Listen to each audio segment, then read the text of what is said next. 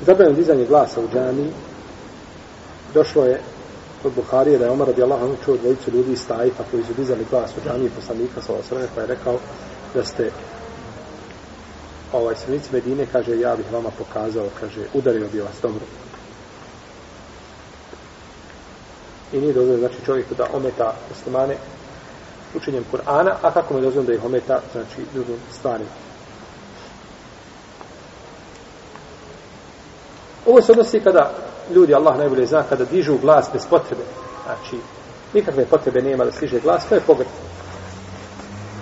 Dok je dizanje glasa dozvoljeno, kada se stiče nauka, prenosi iskod imama Ahmeda, da je poslanik sa osam sam imbere dizao toliko svoj glas i vikao un viru kumun nar i to bi ponavljao nekoliko puta a, ja vas podsjećam ili opominje vas vatrom kaže da bi se to čulo na pijac koliko je dizao glas pa imam Buhari u svome sahiru naslovio poglavlje ne na osnovu ovoga hadisa na osnovu hadisa pranja ovih ovih tetiva koje ostaju neoprane. E, kaže vajnu lil aqabi minan nar. Teško se ovim tetivama od vatre koje ljudi dobro ne peru.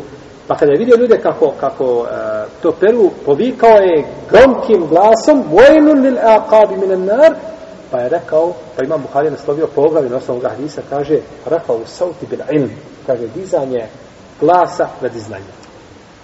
i to je činio poslanik gdje u kao sam u džami znači da se to digne to tako ovaj glas kao što se vidi da su ljudi ono već a, da ispata vrijemež pa da se digne glas da se malo razbude i da se ljudi pouče propisima neće sme jer ponekad ostaje upečatljivo da se neka stvar šta naglasi povišenim tonom ostaje znači upečatljiviji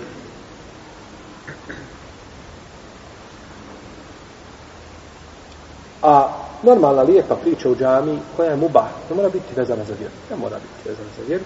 I dozvoljeno je šalta, u tome nema smetnje, jer je došlo kod muslima u sahihu, od džabira i Gusemure kaže,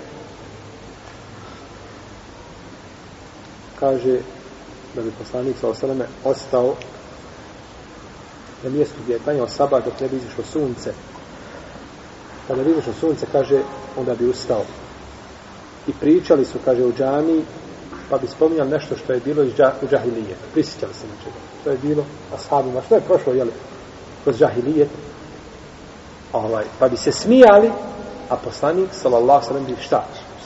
Osmihivao se. On bi se osmihivao. Jesu.